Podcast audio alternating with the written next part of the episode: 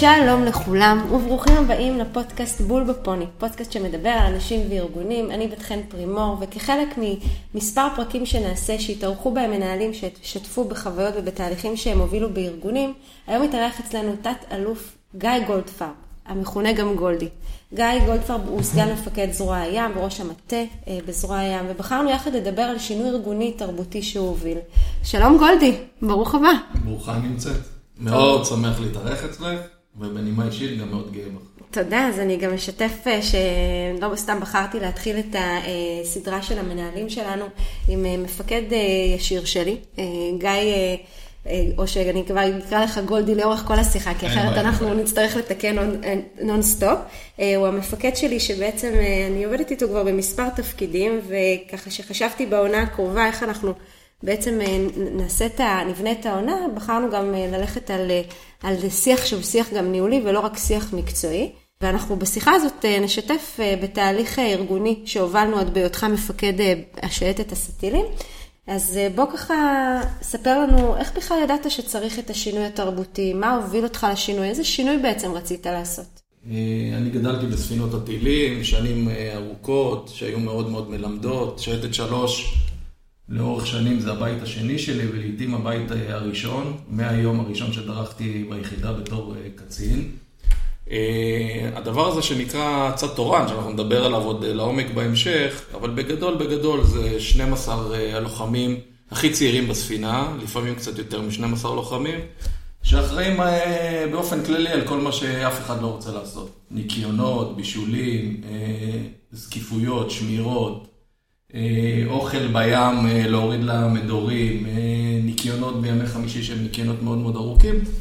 זה באמת קבוצה של לוחמים שהתקופה הראשונה שלהם בשירות היא תקופה מאוד מאוד קשה, הם חצי זומבים, גמורים מעייפות, שמחכים יום אחד, אחרי שנה וחצי בערך, לצאת מהדבר הזה שנקרא צד תורן ולממש בעצם את מה שהם הגיעו אליו לצבא, להיות לוחמים. אני ראיתי לאורך השירות שלי בהרבה מאוד תפקידים, איך הצד התורן הזה מייצר מתחים עצומים בין חיילים לחיילים, בין חיילים לקצינים ובין קצינים לקצינים.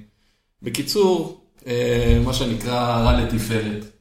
בוא רגע ננסה לדייק רגע, מה, מה היה רע כל כך במצב הנוכחי הזה, מעבר למוטיבציה דשא שתיארת, מה המחירים הארגוניים ככה שהשייטת שילמה בעקבות המבנה במרקם החברתי הזה? אז יחידות ככלל בנויות באופן עקרוני על חבר מביא חבר. זאת אומרת, לוחמים במקום שטוב להם, ידאגו שהסביבה הקרובה שלהם, אחים צעירים, חבר'ה משכבה שתיים מתחתיהם בתיכון, ירצו לבוא ליחידה הזאת. וככל שהשנים נקפו,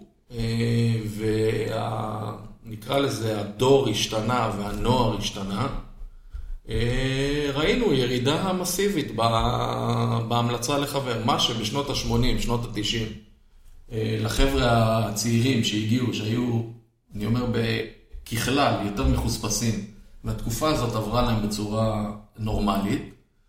כשהגענו לדור הזה של שנות האלפיים פלוס, זה כבר הם התחילו להצביע ברגליים, ואת זה היינו חייבים לעצור.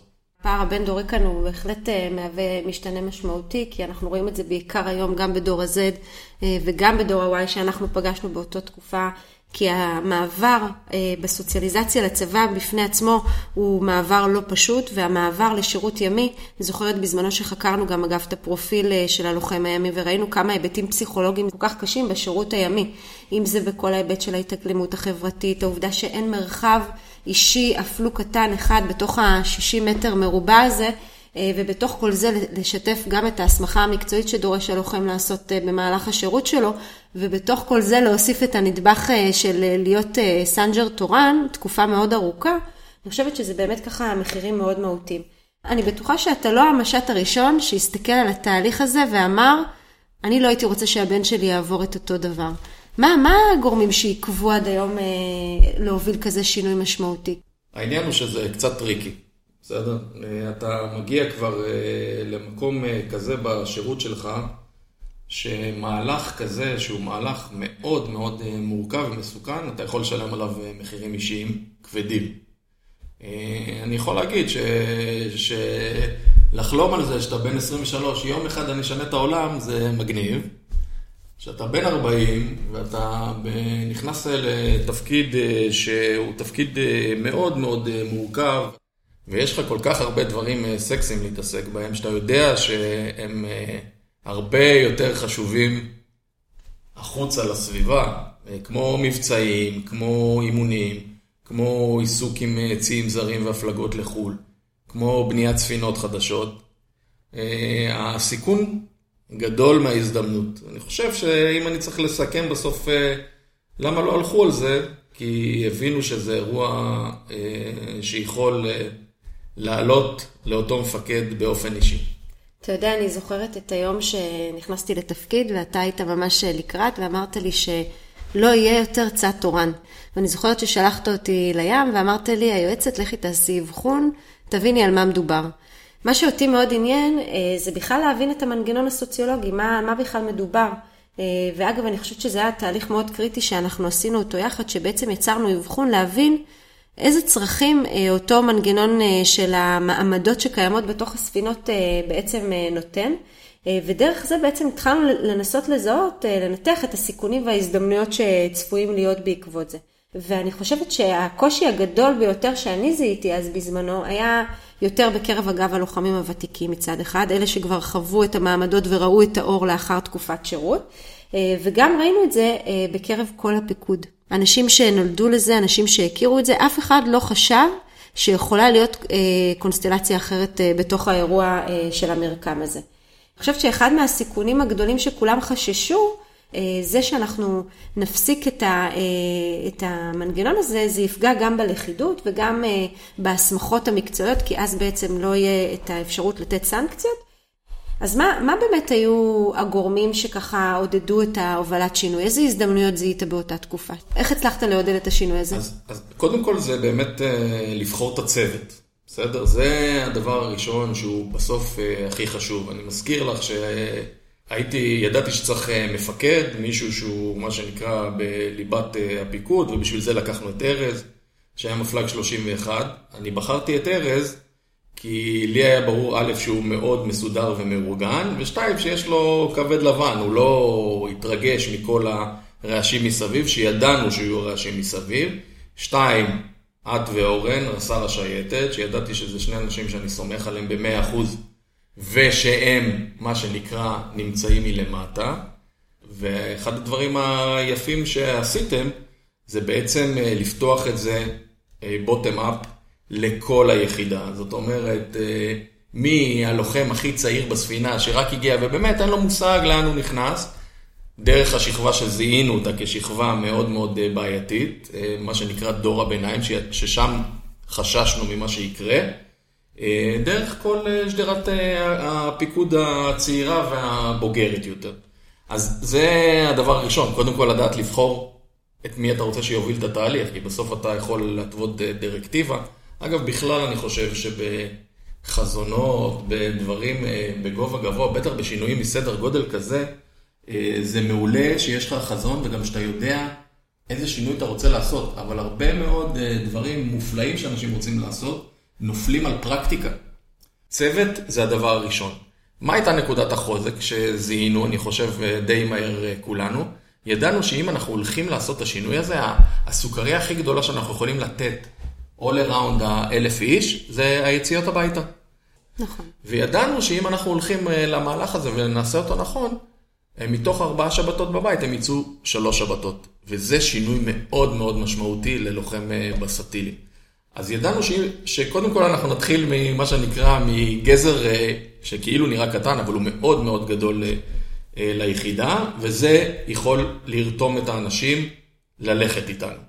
העלית פה שתי נקודות מעניינות. הנקודה הראשונה זה שבאמת ידעת לייצר לעצמך קואליציה כבר בשלב המקדים, כדי שתוכל באמת לפנות איזשהי גרעין אנושי כזה שיוכל לתת לחזון שלך להביא אותו לידי מימוש. ואני חושבת שאחד מהדברים המדהימים שקרו באותה, באותה תקופה זה שיצרת דחיפות. שהלכנו ועברנו ספינה ספינה ונתנו לכל אחד להשמיע את הדעה שלו, ואני זוכרת את התהליך של ההפנמה, כמה היה קשה להפנים בארגון שזה קורה. זה ממש מדהים, כמו בשלבי אבל, בהתחלה זה בהכחשה ובסוף היה את ההפנמה, וההבנה שאתה בעצם רוצה לייצר איזשהו engagement, איזושהי מעורבות אצל האנשים שלך, כי אתה אומר, אני עושה את זה בין כה וכה. בואו תהיו נוכחים כדי להשפיע, וזה משהו שבעיניי מאוד יפה לראות אותו. ואני רוצה גם להוסיף שבאמת אחד מהגורמים, מעבר ליציאות שידענו שזה משהו שיעודד את, ה, את ההובלת השינוי, זה העובדה שהבנו איפה נמצאות ההתנגדויות. והדבר השלישי שעשינו בו זה שאנחנו צריכים לייצר איזשהו מנגנון קידום. כי ההבנה הפסיכולוגית הייתה שהצד תורן נותן איזושהי תחושת קידום למי שלעולם לא יוכל להיות חובל. וההבנה שכשאתה מפסיק לעשות את המשימות האלה, את, ה, את כל המשימות אה, השחורות, ובסוף אתה רואה את האור והופך להיות מנהל עבודה, זה איזשהו תהליך פסיכולוגי של קידום. והבנו שאחד מהדרכים לעודד את השינוי הזה, זה שאנחנו נצטרך למצוא מנגנון קידום חלופי לאותם, אה, לאותם אנשים אה, שיהיו ותיקים יותר. צד התורן זה סממן מאוד מאוד בולט מתוך תרבות ארגונית בעייתית. זה לא שאמרנו, אוקיי, אנחנו עכשיו הולכים לדאוג ליציאות של הלוחמים. זה היה סייד אפקט לקוח. זה היה משהו שעודד את החשיבה בתוך היחידה. אבל בסוף רצינו לשנות תרבות ארגונית של שנים ארוכות של מעמדות, זה אחד. והדבר השני, אני מזכיר לך, כי את ואני יודעים, אבל מי ששומע אותנו לא יודע, בסוף סידרנו את היחידה. זאת אומרת, יצרנו יחידה אחת. בשייטת הסטילים יש מעל עשר ספינות, אה, וכל אחת מהן התנהלה בתצורה אחרת. סגנון חופשי. ממש בסגנון חופשי, כיד היוצר של אותו מפקד. זה יצר הבדלים מאוד מאוד גדולים בתרבויות, וכתוצאה מכך, הבדלים מאוד מאוד גדולים באיך הלוחמים מרגישים ביחידה. ואנחנו רצינו לסדר תרבות יחידתית, שבסוף יש לכל מפקד את היצירתיות שלו, אבל שהתבנית והמסגרת ל-well-being של האנשים ביחידה הוא דומה. אי אפשר לעשות זה, בסוף כל ספינה היא אה, בית הגידול של אותם אה, לוחמים, אבל שיהיה דומה. זאת אומרת שלא נגיע למצב, אני אתן דוגמה רק כדי שהמאזינים יבינו, שלא נגיע למצב כמו שהיינו, שספינה אחת הולכת ביום חמישי ב-4 אחרי הצהריים, וספינה שנייה הולכת ב-11 בלילה, וזה יצר מצד אחד ספינות ש-so לא רצו להגיע אליהן כי הן היו ספינות יותר קשות, מצד שני אלה שהלכו ב-4 זה לא אומר שזה היו ספינות יותר טובות, רק פשוט אנשים רצו להגיע לשם כי זה יותר קל. בוא תשתף אותנו מה היו העקרונות שאתה הצבת אה, שעזרו לייצר איזושהי מסגרת אה, עבודה. טוב, אני חושב שבאחד מהם אה, נגעת מקודם. קודם כל, שלכולם יהיה ברור שזה הולך לקרות. אני חושב שאם אני יכול לתת טיפ קטן למנהלים, למפקדים, זה שאם אתה מחליט לעשות שינוי מסוים, אתה צריך להיות מאוד נחוש ויציב, כי יש המון המון גורמים סביבתיים וגורמי רקע, ולפעמים גם גורמים בתהליך, שמנסים לערער לך את הדרך. זאת אומרת, אולי תשקול שוב, אולי תשנה, אולי, אולי לא בדיוק, אולי נעשה חצי, אולי נעשה רבע. אה, וקודם כל שכולם יבינו שאתה רציני. שאתה מתכוון, שאתה אומר, ראשון לפברואר לא יצא תורן, חצי שנה מהיום, אז לא יצא תורן. מה יהיה אני לא יודע, אבל זה הדבר הראשון, להיות נחוש. שתיים, וזה תהליך שאתם הובלתם, את אה, וארז, זה באמת לשתף את כולם. אולי הדבר הכי משמעותי שהסיר התנגדות, כולל בדור הביניים הזה, שלקחנו אותו ורתמנו אותו לתהליך. גם, גם הם הבינו שזה הולך לקרות, גם הם בתוך תוכם ידעו שזה נכון שזה צריך לקרות. זה הוריד התנגדויות מאוד מאוד גדולות uh, בתוך היחידה ובתוך הספינות. Uh, הדבר השלישי, זה חייבת להיות עבודה שיטתית, מסודרת, שמכסה את כל הנושא, כי אני מזכיר לך שכולם חיפשו את החורים האפורים. זוכר את החודש, חודשיים הראשונים, השטחים האפורים כאלה, אה, את זה הם לא אמרו, אז את זה אני אעשה איך שאני רוצה, ואני אעשה איך שאני רוצה. לא, זה צריך להיות מאוד שיטתי, מסודר, שתי וערב, כדי שלא יהיו חורים. כי אחרת, זה לא שווה הרבה. זה שווה, אבל לא הרבה. והדבר האחרון, שאני חושב שגם עשינו אותו טוב, זה שהגדרנו תקופת פיילוט.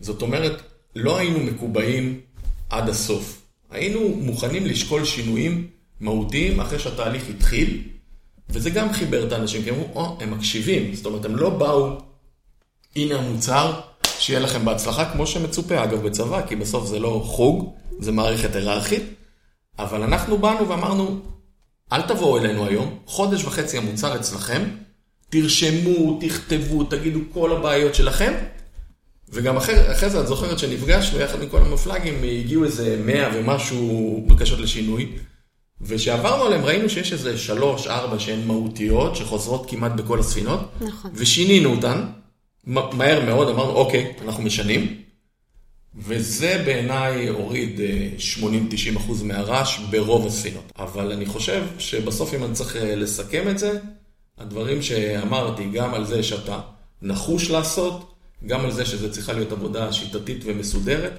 וגם שאתה לא מקובע ואתה מראה לקוח שאתה מוכן לעשות שינויים, זה בסוף היו העקרונות שהובילו את השינוי בלי התנגדות מהותית. אז הסברנו וסיפרנו על כל אה, ההקדמה ולמה ואיך אה, זיהינו את הגורמים שמעכבים ומעודדים, וגם דיברנו על קצת אה, על איך, איך רותמים ואיזה הנחות עבודה עבדנו. בוא, בוא נרד עוד קצת. איך הטמעת את השינוי המטורף הזה? שמנו תשתית אחידה מסודרת, מה שנקרא מפי האתון. לא העברנו את זה לאיזה מפקד בשתיים, שלוש דרגות מתחתנו, ואמרנו לו, הנה הספר, תסתדר. אלא אנחנו העברנו את זה עד למטה לכולם. זה אולי הדבר הראשון בהטמעה, אבל זה לא מספיק.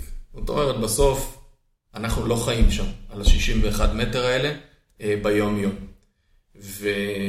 וייצרנו מנגנוני בקרה מאוד מאוד אדוקים. אולי אדוקים מדי לטענתם של חלק מהאנשים, מה זה אולי? אנחנו יודעים שטענו כנגדנו שאנחנו מצהירים את החופש של מפקדים בדרגות הביניים, אבל היה חשוב לנו בחצי שנה הראשונה אה, לוודא שהנוהל מתקיים כמלואו.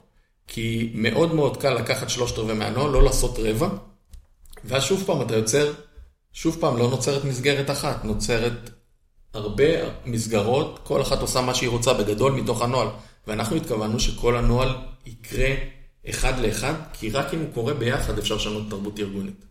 ביקורות, כמה שאנשים לא אהבו את זה, עשינו לא מעט אה, ביקורות.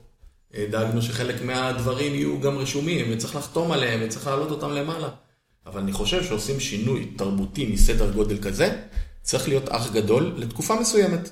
עשינו את זה לתקופה מסוימת, ראינו מסוכני השטח שלנו שברוב המקומות זה מתקיים כמו שצריך, והורדנו את הרגל מהגז שלנו, במה שנקרא בשכבת ההנהלה הבכירה, והורדנו את זה לניהול של שכבת הביניים, וזה הלך בסדר גמור. אנחנו מאוד היינו מוטרדים, אני מזכיר לך, מבריונות סמויה.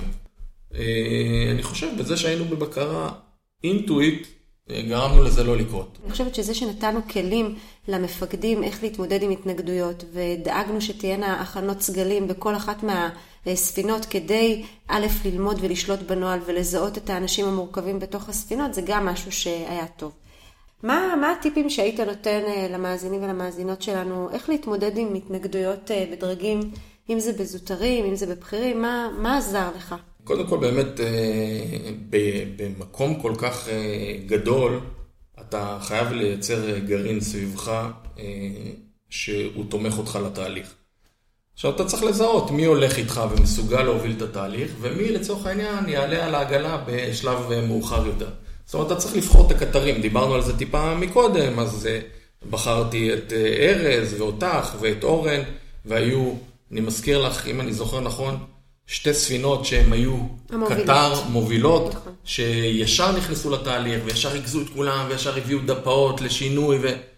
ולקחנו אותם ואמרנו, אוקיי, בסדר, יש הרבה ביחידה הזאת, בגלל שזו יחידה גדולה, שהם יעלו על הרכבת מתישהו, כדאי להם לעלות יותר מוקדם, יתייחסו יותר, ויכול להיות שהם יוכלו להשפיע יותר, אבל אם הקטר ימשוך מספיק חזק, אז זה ירוץ קדימה, וזה באמת מה שקרה. אז הדבר הראשון, זה באמת לייצר קטר.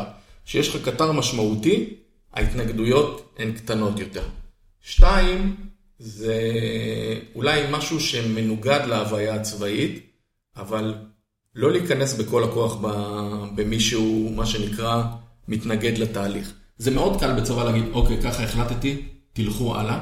התייחסנו במתינות, אני חושב שבשינויים עמוקים, הטיפ השני שלי, זה להתייחס במתינות למתנגדים. ולהבין על מה זה יושב. נכון, הרבה מאוד uh, מהמתנגדים לא באמת, לא באמת uh, הצליחו להסביר לנו על מה זה יושב. זה בעיקר יושב על מה שאת uh, כל הזמן אומרת לי, בסוף uh, בן אדם הוא יצור שלא אוהב שינויים. ורוב האנשים לא אוהבים שעושים להם שינוי, בטח לא חבילה כזאת שנחתה להם על הראש. דבר השלישי, שהוא בעיניי לא פחות חשוב, שאתה עושה כזה תהליך, זה להראות הצלחות קטנות. התהליך הוא קרה בשלבים. זאת אומרת, כבר מההתחלה, כשהכנסנו אותו, אנשים אמרו, וואו.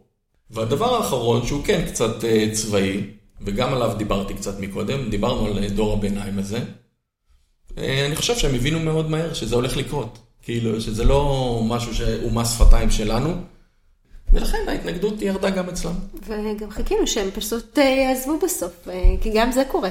נכון, צריך, צריך גם להגיד, ידענו שלא משנה איך נסובב את זה, תוך שנה עד שנה וחצי, מהיום שמה שנקרא יישמע הגונג, כל מי שהיה מתנגד לתהליך ברמת הלוחם, יהיה אזרח, ולזמן יש משמעות. ידענו שאנחנו צריכים להכיל את השנה וחצי הראשונות, ואחרי זה כבר לא ידעו בכלל שהיה צד תורן בסטיל. נכון.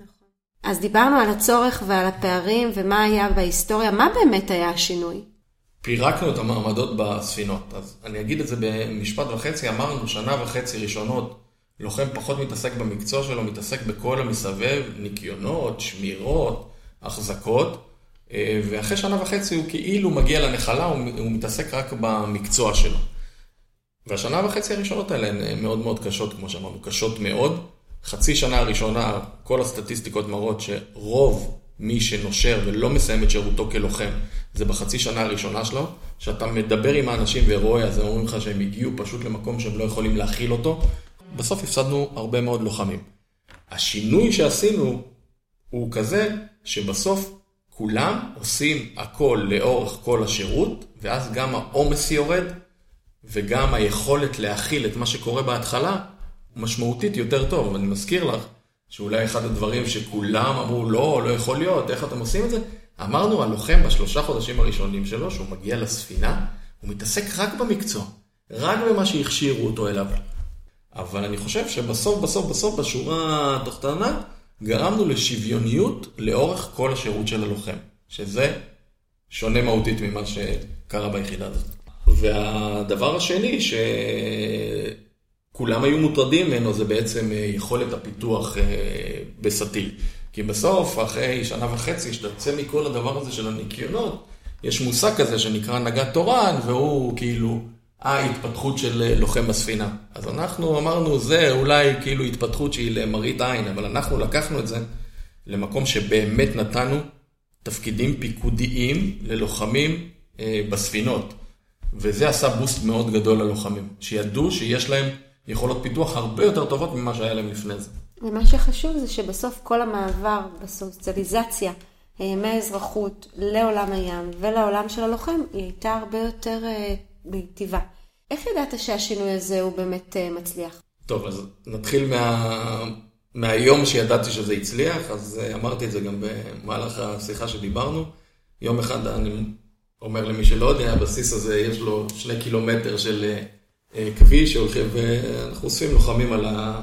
לאורך הרציף, ואספתי לוחם אה, טרמפ. אז אמרתי לו, תגיד, מה קורה עם הביטול הצד התורן, אתה מדור הביניים? אז אמר לי, תשמע, משט, אני אגיד לך משפט אחד. אני חושב שזה הדבר הכי טוב שקרה ללוחם בסטילים מאז שהיחידה הזאת הוקמה, ולא משנה מה יגידו לך, אל תישבר ואל תשנה את זה.